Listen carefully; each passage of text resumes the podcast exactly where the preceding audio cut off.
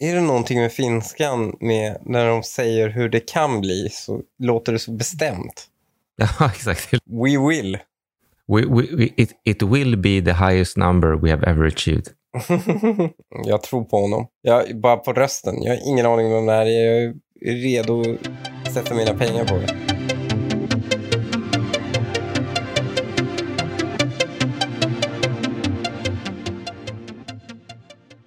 Vi spelar in söndag eftermiddag. Egentligen skulle vi spelat in igår, men jag blev i sista sekund bjuden på middag av vår gemensamma bekant eh, GT Meister på Instagram. Och eh, ja. eh, det var en restaurang som låg i ett villaområde i Älvsjö som hette Aloe. Och eh, mm. senare i avsnittet så ska vi snacka lite däckbolag och framförallt Nokian Tires. Tur, för jag håller på att beställa däck as we speak. Ja, men perfekt. Då, då kommer vi det blir bra ämne. Och, eh, det, ja, det, var faktiskt, jag har någon millimeter kvar innan de är olagliga. Det, det var faktiskt så jag hamnade i eh, den sektorn, att jag skulle byta däck. Men jag, jag, jag hade kollat och nördat runt så mycket i på just däck hela den här veckan. Så jag satt på restaurangen mm. och det var liksom konst och modern konst och sånt på väggarna. Och så, sitt, och så, någonstans, så, så uppe på väggen så sitter en sån här klassisk Michelin tjockisgubbe. Ja. Jag typ i 10 minuter, 15-10 minuter så bara, fan, det passar verkligen inte in. Men han som äger restaurangen kanske är värsta bilgalningen och gillar Michelin-däck. Mm. Tills jag fattade att de hade en Michelin-stjärna.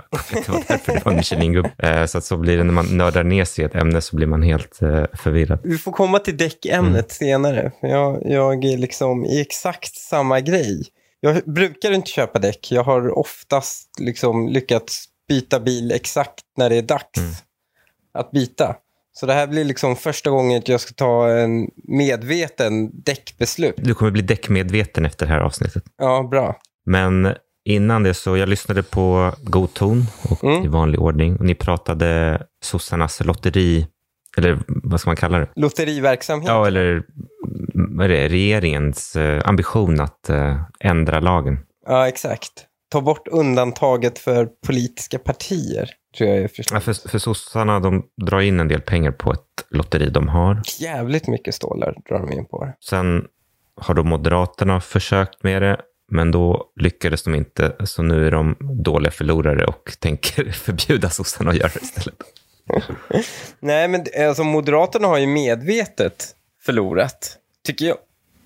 Alltså, för de har ju liksom alltid när de gör saker så sossarna, de liksom kombilotterier, du märker ingenstans på kombilotterna alltså, att det, du stödjer sossarna. Mm.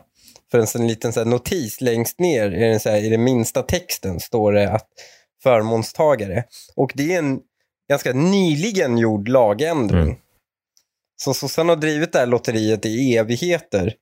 Och det är en nyligen gjord lagändring som säger att vem som är, man måste definiera vilka, vem det är som tar emot pengarna från det här, från lotteriet. Och medan när Moderaterna har gjort sin så är det liksom, det är så M-loggan överallt och du vet så här, det och det leder ju bara till att här, muffarna får sina föräldrar typ att stötta deras eh, lotteri. Eller alla så, eh, en indikation på vilka det är som är i M-lotten är ju att det är bara partiaktiva som har varit vinnare hittills. Mm. Därutöver så är det väldigt sällsynt att man vinner pengar. Mm. Utan du vinner typ en vas. Alltså du kan så välja ur en katalog med grejer mm. om saker du vill ha. Och så är det så här, vissa som får väl, vinner pengar. Det där fick mig att tänka på, jag vet inte om uh, något av uh ditt harem av barn eh, håller på med någon idrott och eh, tvingas sälja lotter? Inte än så länge, men nu ska de börja. De ska börja med kampsport nu. De som har barn i organiserad idrott kommer ju känna igen det här att eh, typ en, en eller två gånger om året så kommer det liksom lotter som man förväntas sälja. Och ja. jag tror typ hälften av försäljningen går tillbaka till klubben. Kan de inte göra så att hela vinsten går tillbaka till klubben så jag slipper köpa hälften så många? Ja, men det är någonting mentalt där, att det är enklare att få folk att köpa en lott med i princip då noll eller väldigt låg eh, return on investment än att bara ge pengar mm. till klubben direkt, även om klubben skulle få behålla mer om man gjorde mm. så. Men jag kommer ihåg, vi blev ju ivägskickade att sälja fryspåsar typ när vi Eh, och det finns det väl fortfarande så här salamis och fryspåsar och sånt för att samla ihop till klassresan. Men det slutar bara med att det är eh, ens föräldrar som köper en års, det så här, livstidskonsumtion av fryspåsar. Ja, precis. Det är nog eh, väldigt mycket föräldrarna som köper. Plus att man, man jag vet inte, jag, jag känner mig inte superexalterad över att släppa iväg ungarna och knacka dörr och sälja lotter. Nya Sverige. Så var det, förr var det ju hur lugnt som helst ju. Men jag funderar, vi har ju, vi har ju tidigare avsnitt konstaterat att uh, hyper casual mobilspel är ju bara ett lotteri fast man kan inte vinna pengar. Exakt. Någon entreprenör borde ju kunna liksom sälja in, alltså att istället för att du Istället för att klubbarna tvingas sälja de här fysiska lotterna, man borde kunna göra det digitalt på något sätt. Eh, ett problem är ju för att Apple tar 30 procent, men om det fanns något så här, log, logga in på App Storen och om du ändå ska lägga pengar på Sudoku, lägg pengar på liksom det här klubb-sudokot istället. Det är exakt samma upplevelse, men pengarna går till Oh my god. Vet du vad, ja, alltså, så här, Mag borde ju göra det att man kan säga de tar hälften av pengarna och du får välja vem som blir förmånstagare till den andra. Vilk, vet du vilka som har så? Pantamera. Mm. Eh, alltså pantkooperativet i Sverige som alla företag är anslutna till som producerar sådana här man måste betala till dem. De har en enorm maskin vid tippen hos oss.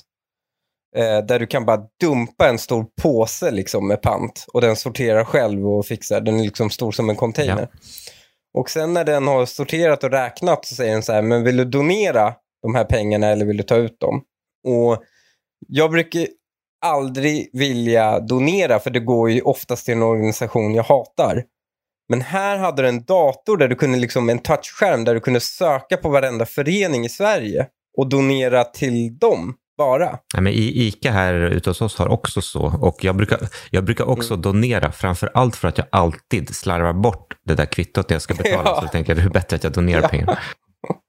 jag lyckas alltid slarva bort det här kvittot på vägen till kassan. Ja, precis. Alltså, alltså glömmer jag också. när jag har handlat. Liksom. Jag kör också självskanning så du skulle komma ihåg att ja. dra den. Regga den liksom. Mm. Jag lyssnade på Ekonomi Ekot Extra i förra veck- eller den här veckan, eller slutet av veckan. Och det är åter nu, det har varit aktuellt ett tag med så här, ska vi gå med i euron? Och utgångspunkten mm. är på något sätt att den svenska valutan har tappat i värde och hade vi haft euro så hade den varit stabil. Alltså det som hela den debatten tycker jag avsaknar, det är att du får ju inte det gratis. Det är Nej. olika vågskålar. Så att det, det, är nästan så att samma personer som tycker att det är fel av Riksbanken att höja räntan tycker att det är fel att svenska kronan är svag. Och jag tror att man måste förstå att om vi skulle ha en starkare valuta så skulle vi ha en svagare ekonomi. Ja, det går ju helt okej okay för industrin, förutom det ökade kostnader. Absolut, men det är liksom arbetslösheten har ju inte dragit iväg eller någonting sånt. Så... Ja, det är förmodligen tack vare att kronan är svag. Ja. Förut när vi hade fast växelkurs på typ mm. 80-talet, då var, relation, då var det mer självklart att den, kronan försvagas för att den underliggande ekonomin har problem och sen måste man höja räntan för att kompensera det här.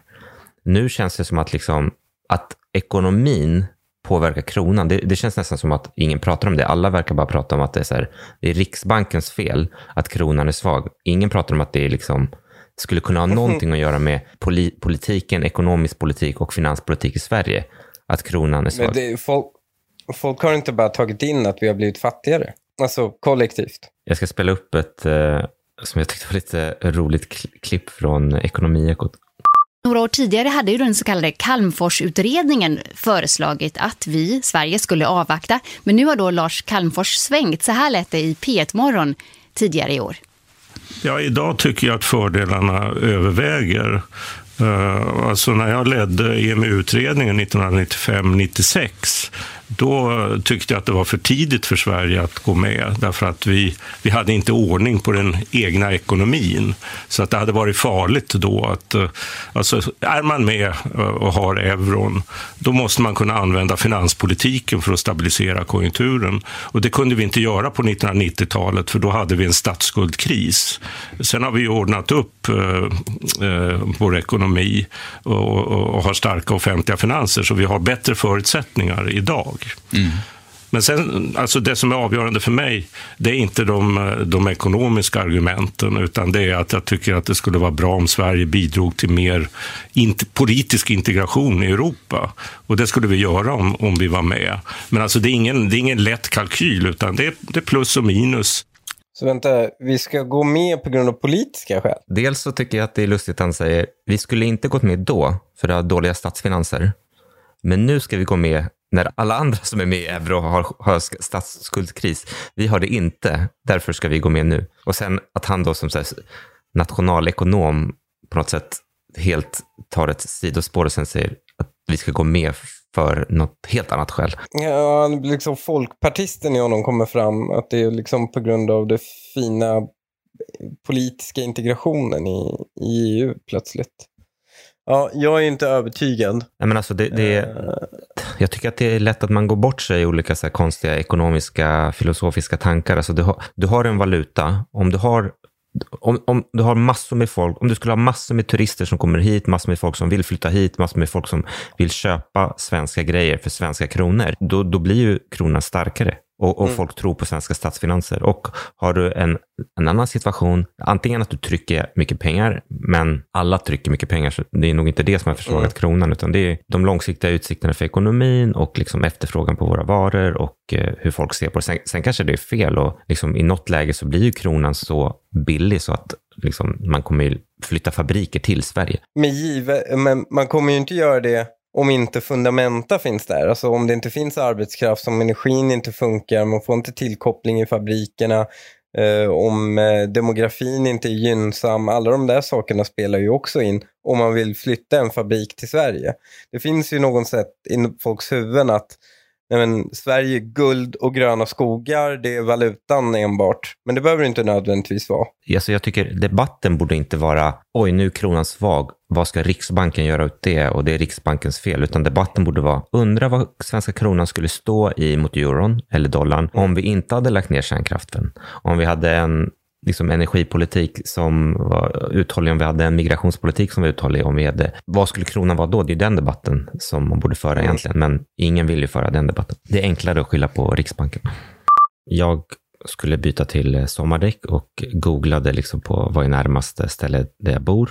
Och då fanns det ett ställe som hette eller en kedja som heter Vianor, som jag faktiskt aldrig hade hört talas om. Så kollade jag upp vad det var och då visade det sig att det är ett helägt dotterbolag till eh, Nokian Tires. Mm. Och så åkte jag dit och jag hade faktiskt en, just det här stället i varje fall, så hade jag en väldigt bra kundupplevelse för jag hade faktiskt beställt fel dimension på däcken. Och du vet, man ska in, när man ska beställa däck så skriver man in sitt regnummer. Och då plockar den hem bilmodellens standarddäck. Och den förra ägaren antar jag hade bytt till från 17 till 19 tum. Så jag hade, bes jag hade ja, beställt mm. för små däck och så kom jag dit och de var liksom skitschyssta. De sa, men vi, vi byter till dina 17 tums gamla sommardäck och så då, du kan köra på dem en vecka så kommer du tillbaka hit nästa vecka så kan vi sätta på 19 och vi kommer inte ta någonting extra för det. Så de gjorde i princip ja, ett däckbyte, rebalansering gratis. Jag hade ju kunnat skita i att komma tillbaka. Så, så där hade jag liksom en, en positiv upplevelse. Jag tänkte, Nokian Tires, det är ändå liksom ligger i grannlandet och eh, jag visste, jag hade sett någonstans att aktien hade blivit totalt slaktad för att de hade all sin produktion i Ryssland. Eh, mm. Så där tänkte jag, men intressant liksom, vad de håller på med.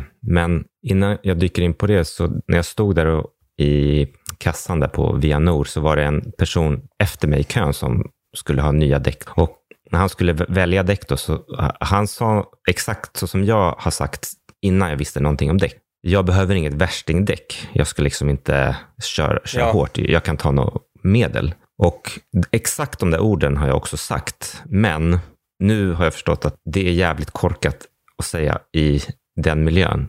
Man ska säga ett värstingdäck. Det är, det är liksom, de har inga värstingdäck där, så som han tänker på värstingdäck. Alltså de har inga Cup 2R-däck mm. som kostar 10 000 styck. Som, och, och grejen är också, det som är intressant med däck, det är ju liksom en balans mellan ett antal olika egenskaper. Man kan säga att det ena är såklart grepp och sen man kan säga att det andra är väl hållfasthet. Så ju mjuk... Och sen ljud. Ja, och, och det är ljud och rullmotstånd, vilket för elbilar. Och sen har du hur den beter sig på vatten och vattenplaning. Och sen så har du Mm. eh, också hur den beter sig i olika temperaturer. Så att, och hur den beter sig på, på vått. Och sen och så har du också ljud. Sen har du liksom, okej, okay, eh, är det här lämpligt för en 2,5 tons elbil eller lämpligt för en mindre bil? Så att eh, man kan säga att det dyraste Nokian, Hakkapelittan eller Goodyear eller Michelin-däcket som du kan köpa till en liksom, familjebil, den är liksom inte optimerad för så här att den ska kunna klara att köra bana, utan den är optimerad för minimalt ljud, eh, minimalt rullmotstånd, vilket också är minskad förbrukning och liksom maximalt grepp i olika typer av eh, väglag. Och sen så såklart, ju hårdare gummit är, desto bättre är livslängden, men också desto sämre är greppet. Alla som kollar på Formel 1 vet, att liksom, de mjuka däcken, de slits hårdare, men du har bättre grepp. Och exakt så är det. Och därför är ju också de här all season, eller året om-däcken, de är ju jävligt kassa i, på vintern. Ja, Så om du har snö eller vinterväglag så skulle jag aldrig köra med familjen i året om däck. Och om du kollar på YouTube, det, det enda som folk egentligen testar, för att det är typ det enda som går att testa visuellt, så här bromssträcka. ja. Men. Det är ingen som, man måste ju också titta på förbrukning. ja precis, det är ingen som, det är ingen som tar ett Nokian-däck, ett Michelin-däck och sen kör i 500 kilometer och kollar vilken drog minst och vilken lät minst. Och, så det är många, Gud, det borde man ju kunna simulera. Bara rullband och en motor på varsitt däck och så får det rulla liksom. De stimulerar säkert det, däckföretagen gör ju säkert det, men Ja, de gör ju säkert det, men en oberoende så att säga. Så man kan eh, mäta slitaget. Så man kan jämföra. För det finns ju inget så här index där du kan kolla så här, "Ja, men vilken är mest slitstark mellan dem. en grej är att de här däcken är ju svåra att jämföra objektivt och därför är det här också en bransch som är extremt varumärkestung. Alltså, du kan nog, Mm. typ vem som helst som inte ens är bilintresserad kan nog nämna tre bildäckmärken. Mm. Michelin, de har ju sitt, liksom, liksom, restauranger och allt möjligt och Goodyear, de är kända för sin, de har ju sån här en, det, blimp, luftskepp. Man måste köra mycket marketing för att normal person går in och, och köper det som är top of, top of mind varumärkesmässigt. Men jag tänker just nu, liksom när jag, när jag vill köpa ett par däck så när man tittar på li- alternativen som finns så finns det ju jättebilliga. Mm. Men de har oftast något asiatiskt namn som de här bolagen och man blir ju helt livrädd för att köpa. För, man får ju, för det första min eh, svärfar sa till mig var så här, köp inga Kina-däck Mm. var det första han sa. Och då blev jag livrädd liksom. Eh, men det ska jag absolut inte göra då. Men det blir ju definitivt en prisklass uppåt. Det blir en extrem pris, prisklass uppåt varje gång. Jag menar, ap- apropå livrätt så, jag köpte ju en, jag köpte Porsche eh, Carrera GT, så hade ju Paul Mm. Walker från Fast and Furious eh, dött i en sån olycka Mm. och den som körde bilen var en professionell eh, racingförare. Och Mhm. så, som, som anledning till olyckan har man, man har i varje fall landat i att det var för att bilen hade typ nio år gamla däck. Och det var inte att, att däcken var, att de hade kört mycket, att, att mönstret var borta, utan det var att liksom gummit hårdnar över tid.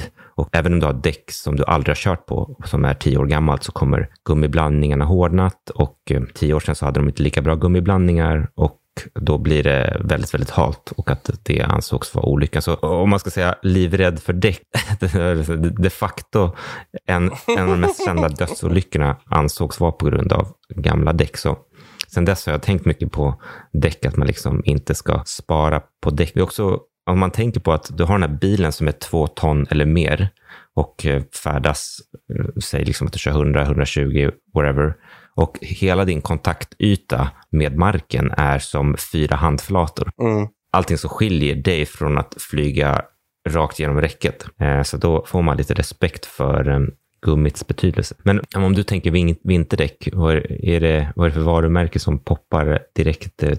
Ja, men det är Nokian. Det är verkligen Nokian. De har ju gjort det är alla de här Hackan Päckilä, eller vad de kallar det. Hakkapeliitta. Som, ja, för fan vad man tänker bara på det. Och tänker jag sommardäck och lite sportigare, då tänker jag Pirelli. Mm. Pirelli P0 Exakt. är en stark varumärke. Det är väl det de kör på Formel 1, kom va? ju med eh, Ja, men också de kom med golfen, ja, GTI Mm. liksom. Mycket av liksom hot hatch-utvecklingen med framhjulsdrivna bilar som blivit så jävla snabba på sistone har ju varit däckutveckling. Mm. det har inte varit så mycket bil, eller det är väl snarare att nu kan man trycka in den kraften i en bil och veta att den någorlunda kommer få grepp. Mm. Annars hade du bara fått eh, annars hade du bara snurrat. Mm. Liksom. Så mycket av eh, varför man kan ha 300 hästar på eh, en liten framhjulsdriven bil nu för tiden är ju däcken. Och eh, det har varit en ganska nyligen utveckling. Som jag, och då var Pirelli P0 var den som kom med golfen. Eh, så den har satt sig i mitt huvud. När det kommer till vinterdäck så tänker jag no eh, Nokian direkt. För jag har sett så mycket reklam för dem. Och det känns också, du vet så här. Det är Finland, det är snö, det är iskallt.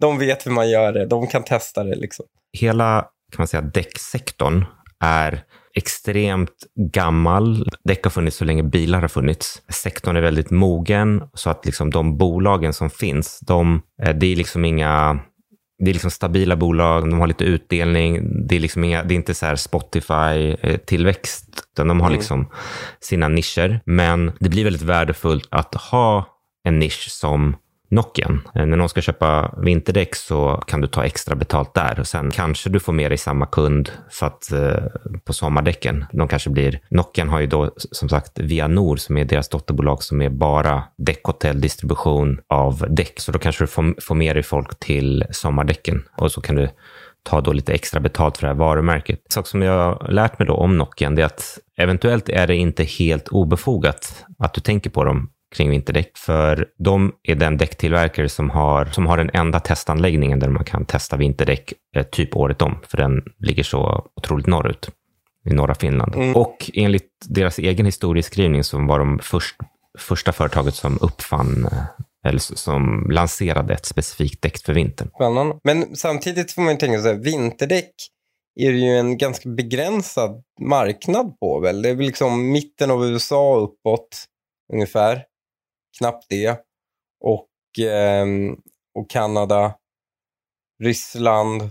Fast de kör ju förmodligen billigare däck. De har inte råd med märkesdäck tänker jag, fördomsfullt. Och sen är det typ norra Tyskland uppåt väl? Ja, exakt. Så 50 procent av försäljningen för Nokian är Norden. Mm. Så att det är helt klart eh, i den här regionen de är starkast. När jag skulle dyka in och kolla på Nokians siffror så tänkte jag att precis som tidigare avsnitt att jag skulle jämföra dem med något annat däckföretag. Och ett, Mm. ett annat företag som var ungefär i samma storlek som de var eh, Goodyear. Jag brukar alltid då söka upp, finns det någon podcast om det här bolaget som jag kan börja lyssna in mig på? Och då Mm. hittade jag en podcast som, den handlade om Charles Goodyear som eh, uppfann eh, liksom vulcanized rubber, eller liksom det däck görs Mm. av. Och så började jag lyssna på den podcasten och sen så 20 minuter in i podcasten så, så berättar han att Charles Goodyear och bolaget Goodyear har inte någonting med varandra att göra, utan, utan Goodyear kör, Ja, de har bara tagit Ja, namnet. de, de körde en Tesla liksom, och bara tog, de, de skulle göra däck och så tog de liksom namnet av Goodyear. Men Charles Goodyear är ju cool. Alltså han är ju självlärd kemist. Ja, du, du kände till honom sedan tidigare? Ja, Okej, ja, berätta ja. för eh, jag, eh, jag, jag kunde ingenting. Alltså han började experimentera. Eh, han hörde talas om naturgummi. Och sen så började han göra så här. Eh, han började experimentera med det här gummit och försöka hitta bättre lösningar och sånt på det. Och då var det, fanns det, jag kan inte kemin exakt, men med hjälp av sina, liksom, sin hustru och sina barn så blandade han typ sot, magnesium och lite så här äh, indiskt gummi och grejer och så lyckades han då göra det här. Och han tog faktiskt patent på det. Det var lite tråkigt att det inte var han som äh, hade, hade, hade grundat bolaget Goodyear, men äh, man gjorde väl redan då så här, hommage-namn till bolag. En annan intressant grej med just Nokias historia är att, eller no, att, att Nokia, alltså mobiltelefoner, och Nokian-däck, det var samma företag en gång i tiden. Ja, ja. Mm. Och det var först 2003 som Nokia, mobilföretaget, helt avslutade sitt ägande i Nokian Tires. Är det därför de är så jävla robusta, de här 3310 och de, när de kom på sin tid? De var, så här, de var gjort av så här, folk som är till för slitstarka grejer. Liksom. Det finns en sån här Caterpillar-mobil som ska klara... Ja, fan, det, vet du vilka som gjorde det ett tag också? Det blev liksom, eh, jag tror Siemens som gjorde en telefon som var till för bara byggarbetare. Du kunde tappa den från så här sex meter och grejer. Ja, men, ja, men jag tror cat, cat, det finns en Cat-mobil, Caterpillar-mobil, Ja. som också har typ den typen av features. Så tillbaka till Nokian. Det som då har hänt där, det, det bästa sättet som jag, eh, det, eller den känslan jag fick för bolaget. Du vet, jobbar du någonsin i stora Excel-dokument? Eh, jag gjorde det en gång då jag kodade in det svenska skattesystemet i Excel. Det var jävligt jobbigt, men det var, inga, det var inget stort datasätt. Det var det inte. För så fort jag har ett stort datasätt då stoppar jag in det i en MySQL-databas. Så jag kan göra riktiga körningar. mot Okej, nej, men för, för dig kommer nog parallellen vara en annan. Alltså så här, man jobbar i Excel, man har ett stort dokument och så blir det typ strömavbrott eller datorn eh, fuckar ur och man har glömt spara. Mm. Man måste göra om det från scratch. Oj. Min erfarenhet är att man är jävligt bitter, men det blir ofta bättre. Mm. För Ja, man liksom, man, får en andra chans. saker som man märkte, fan jag borde ha satt upp kolumnerna så här eller vidare, nu kan jag göra rätt från början. Mm. Du kanske har haft liknande när man programmerar eller någonting. Men jag har autosave nu för tiden. Men, men ja, jag förstår principen. När man gör om grejer blir det bättre. Ja, det har hänt mig att jag har blivit av med eh, halva programvaran. Liksom som jag, vidareutvecklat, som jag har utvecklat. Och sen får man börja om helt från scratch. Och då gör man inte alla grejer, alla dumma återvändsgränder man byggde in som man sen var tvungen att jobba sig runt. Utan, utan då tog man höjd från dem från första början. Den känslan får jag för Nokian. För det som hände var ju att de hade typ 100% av sin produktion av däck, 17 miljoner däck per år, i Ryssland. Mm. Ja, så invaderade Ryssland Ukraina och de var tvungna att eh, lägga ner hela den businessen. Och det slog ju jävligt hårt mot bolaget. Så aktien, om man bara tittar lite så, a- a- aktien stod innan eh, Rysslands invasion eh, i princip på all time high eh, i november 2021. Då stod den i eh, 34 spänn, eller 34 euro. Och idag står den i 9 euro. Så aktien har liksom gått från, från 34 till 9 euro. Och det började med att man var tvungen att helt liksom stänga ner produktionen i Ryssland, vilket gjorde att det slog väldigt hårt på deras supply. Och även om man kunde gå över till viss kontraktstillverkning så var den mycket dyrare än liksom att ha sin egen fabrik. Så liksom slog på marginalen, slog på utbudet av däck. De kunde inte sälja lika mycket däck. Ja, man förstår att det, det är inte bra för businessen. Men på något eh, magiskt sätt då så lyckades de faktiskt sälja sin eh, ryska del.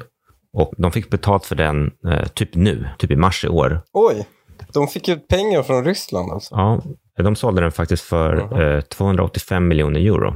Oj. Och det de har gjort då, en, man ska kalla det kontroll allt elit, eh, de fick strömavbrott och nu måste de börja om. Och känslan när man eh, lyssnar på ledningen så, det, det är att de, dels, de, dels säger de nu att liksom, vi kommer aldrig mer sätta oss i en sån situation att vi har så stor del av vår produktion på ett ställe. Så vi kommer liksom diversifiera oss med olika fabriker och ha viss kontraktstillverkning för att ta liksom topparna. Det är verkligen så, okej, nu, nu, nu kan vi börja från början. Dessutom fick vi in pengar för den här ryska verksamheten. Aktien är redan utbombad, vi kan inte göra något åt det. Så låt oss nu börja om och göra. Göra rätt. Mm. Så dels kör de då en, eh, en, en Andrew Tate och ska öppna en ny fabrik i Rumänien.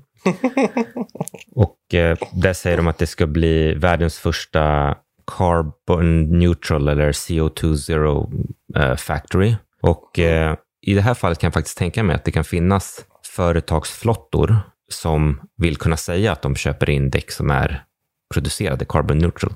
Och den här nya fabriken kommer kosta 650 miljoner euro. De får 100 miljoner har de lyckats få av rumänska staten plus, plus Oj. 285 från försäljningen. Så de, och sen resten kan de finansiera med cashflow. Många var ju initialt oroliga att de skulle vara tvungna att och skuldsätta sig som fan. Men de har liksom typ då lyckats finansiera det här eh, nästan. Så liksom från den här kontrollalteliten som de haft så ska de nu bygga då en ny fabrik i Rumänien. De bygger en också eh, ny fabrik i i USA. Och, eh, de har också en heavy tires business. Alltså, de har eh, tre affärsområden egentligen. De har passagerarfordon. Den föll med 40 procent i Q1 i år jämfört med eh, Q1 förra året. Och sen har de eh, Nokian Heavy Tires. Den växte faktiskt 6 procent och där ser de en viss tillväxt. Sen så har de det här Vianor som jag ser det mer som en liksom, distributionsarm för, eh, för däcken. Mm, mm. Och liksom, grovt sett skulle jag säga att det, det bettet man, skulle, ja, man, kan, man kan ta här, det är liksom Nokian ska ta sig tillbaka till den situation, till den produktionsnivå de hade i bara 2021 när aktien stod i 34 spänn. Och om man får tro ledningen så kanske de kommer komma tillbaka i en ännu starkare situation. För nu har de liksom, de bygger en ny fabrik, så det borde vara ännu billigare produktionskostnader. De bygger i Rumänien. Så jag, jag, jag tror liksom Rumänien och Ryssland kanske har liknande kostnadsstruktur, så jag tror inte att det blir mycket dyrare. Nej. Man kan till, det här är ett ganska litet bolag i liksom börstermer. Eh, mm. Idag är det mm. dividerat till 1,1 eh, eh, miljarder euro. Mm. Och en annan sak som är fint kan man säga också, det att det här är typ det minsta av de noterade däckföretagen. Så det handlar inte om att liksom Nokia ska ta, liksom, äh, även om liksom däckmarknaden globalt minskar, så de behöver bara ta jätte, jätte, jättelite marknadsandelar för att som bolag kunna liksom växa, för att de kommer från så låg nivå. Ja, men det är ju det är för gott. Bra. Det som, det som är lite spännande också, jag tycker att det är någonting med finsk-engelska låter så otroligt betryggande, tycker jag i varje fall. Jag ska, eh, jag ska spela upp en liten snutt här för dig från deras senaste kapitalmarknadsdag där vdn pratar om att, eh, då att de ska bygga upp kapaciteten igen, att de ska då, de siktar på en marginal som är 25 procent eh, ebitda, alltså före avskrivningar, eh, och sen 15 procent efter avskrivningar. Avskrivningarna är ju då kostnaderna för de här nya fabrikerna när de är byggda ska skrivas av och att deras target då är att tjäna 500 miljoner euro i ebitda, eh, alltså vinst före avskrivningar. Och det är också så roligt, på hans Finlands engelska så pratar han, han säger det här som att det här som att han har sett in i framtiden och det här kommer hända med 100% sannolikhet. Så du ska få lyssna. So practically we are debt free when we start our voyage to build the new Nokian tires. In terms of uh, net sales, passenger car tires in 2022 were about 800 million. Uh, heavy tires uh, at about 271 million and Vianor 362 million. If you look at then the uh, countries which we serve, Nordics is 54% of our net sales, other Europe 22%, and Americas 23%. Canada being a very significant market for us going forward. We have updated our financial targets for the next five years. And if I start with the net sales, in uh, five years' time, our net sales, our ambition is 2 billion euros. Uh, between now and that uh, time, we will grow sales in line with the capacity increase. So step by step, when the capacity becomes available and we are able to make more tires, we will then increase the sales. Also, as as I mentioned, the contract manufacturing will help us to drive the top line. Uh, profitability, our ambition is segments operating profit at 15%. Uh, we have also uh, we will also target segments EBITDA in the range of 23%-25% in five years' time. That shows that when we hit our 25% target, indeed, our depreciation load is quite significant because we have invested in two new factories, so Dayton ongoing and Oradea, Romania uh, ongoing. We have a significant depreciation uh, amount between the segments EBITDA and segments operating profit. However, when we hit the 25% segments EBITDA, it means that our absolute EBITDA will be 500 million euro, and that means that it's the highest number that we as a company have ever achieved. Är det någonting med finskan med när de säger hur det kan bli så låter det så bestämt. Ja, exakt. We will. We, we, it, it will be the highest number we have ever achieved. jag tror på honom. Jag, bara på rösten. Jag har ingen aning om det här Jag är redo att sätta mina pengar på det.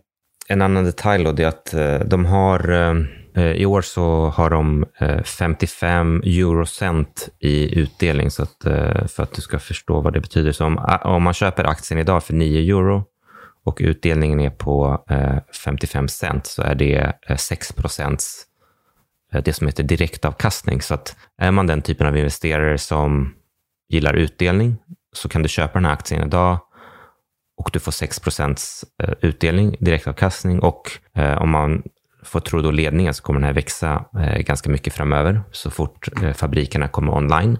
När jag läser lite vad analytikerna verkar tycka om bolaget så känns det som att de är, ja men vi får väl se när Rumänien-fabriken är up and running, om de verkligen lyckas med det. Mm. Men jag kan känna så här att jag, jag känner ganska stort förtroende för att de kommer att vill finländarna bygga en fabrik så kommer de bygga en fabrik. De är inga duvungar och de mm. har ju bedrivit business i Ryssland, vilket förmodligen måste vara ännu svårare än i Rumänien. Ja, och då är det är nog inte så himla lätt att bedriva business i Rumänien heller, men nu är det inom EU. De är ju så att säga... Li, alltså att bygga en fabrik i Ryssland kräver ju ganska mycket mutor till ganska många människor. Ja. Men att bygga en i Rumänien kräver bara lite mutor. Och på något sätt har de, på något sätt har de redan säkrat 100 miljoner från, eh, från staten. Staten, ja. ja. Jag, skick, jag skickade en länk på han som är eh, ansvarig för supply operations. Helvete. Han var skallig. Jag hörde på rösten att han... Jag tror inte det var han som pratade, men, men den här killen ser ut som en Bondskurk. Ja. Och om man kollar på hans CV så har han liksom Uh, han har varit liksom global supply chain-chef på typ alla Procter Gamble och alla stora företag. Så det känns som att, det känns som att risken att de inte skulle lyckas med fabriken, den är låg. Det, liksom, jag håller med, liksom, vinterdäck det är liksom en begränsad marknad och så vidare. Men det enda man behöver ta ett bett på här, det är att Nokian ska komma tillbaks så som de var förut. Och då, då snackar vi om att aktien stod i 30-35. Och det är inte så att de, de har inte tryckt nya aktier. Så att man kan faktiskt Nej. Ibland brukar ju folk titta på en aktiekurs och tänka att den ska gå tillbaka till gamla highs och glömma att det kanske är tio gånger fler aktier tryckta. Nej, men jag, jag, eh, jag blev faktiskt eh, lite... Jag gillade det här bolaget ju mer jag läste om det. Och en annan sak som jag faktiskt eh, inte har stött på förut. Alltid när jag brukar kolla antal ägare på Avanza versus Nordnet så mm. brukar Avanza alltid ha mer. Men här, här såg jag faktiskt, eller här framgick det då att Nordnet är en nordisk aktör medan Avanza bara är svensk, för den hade 33 000 ägare på Nordnet och bara 1200 på Avanza. Oj, kan du, svenskar är lite mindre intresserade av Nokian, helt enkelt. Det är väl det, att det är mer populärt i... Ja, precis. Det är ju...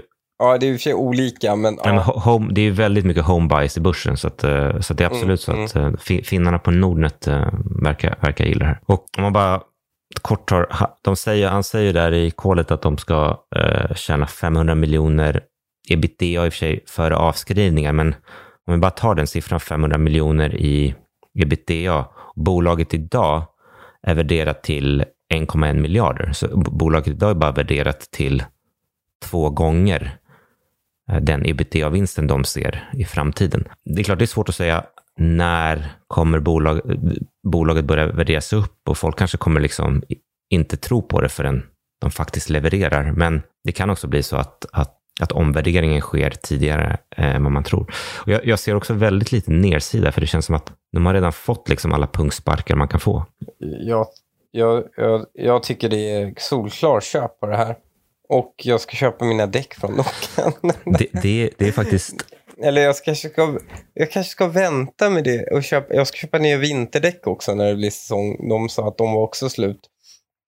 Så det är kanske det är kanske det jag ska köpa, Nokian, sommardäcken. Det är en added benefit av att äga den här typen av bolag, för då kan du när, du, när du då ska köpa däck så kan du tänka att du sponsrar dig själv. Ja, men det är väl lite så alla Tesla-aktieägare också känner.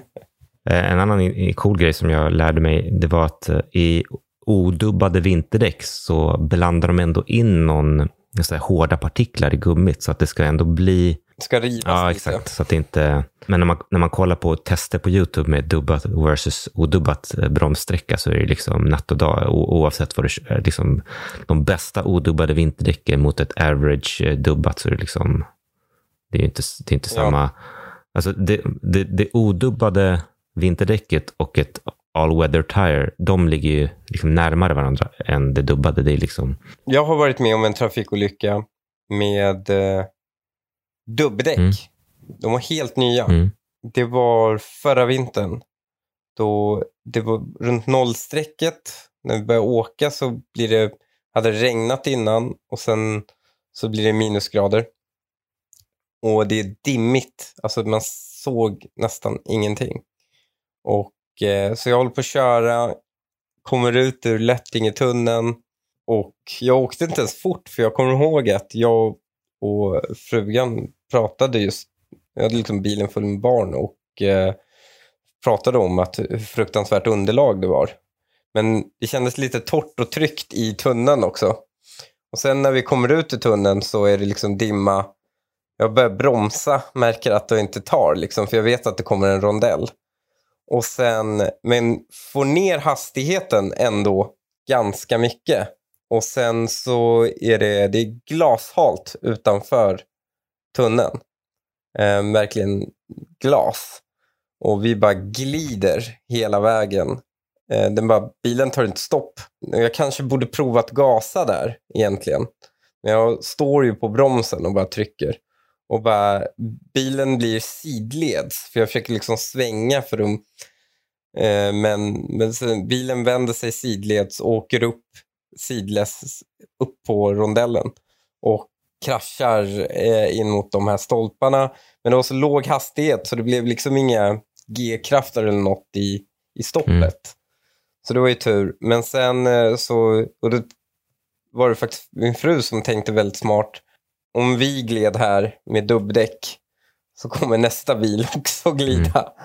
Ehm, så vi börjar plocka ut barnen ur... Och då tänker jag så här, men jag tar ut dem en och en och bär dem. För de kommer vara livrädda mitt i Mm. natten på den här rondellen. Så tar jag ut eh, ena tvillingen och sen springer mot mitten av rondellen. Och så blir det lite fel i kommunikationen mellan mig och min fru. För hon säger till den andra att så här, gå ut och gå till Hanif.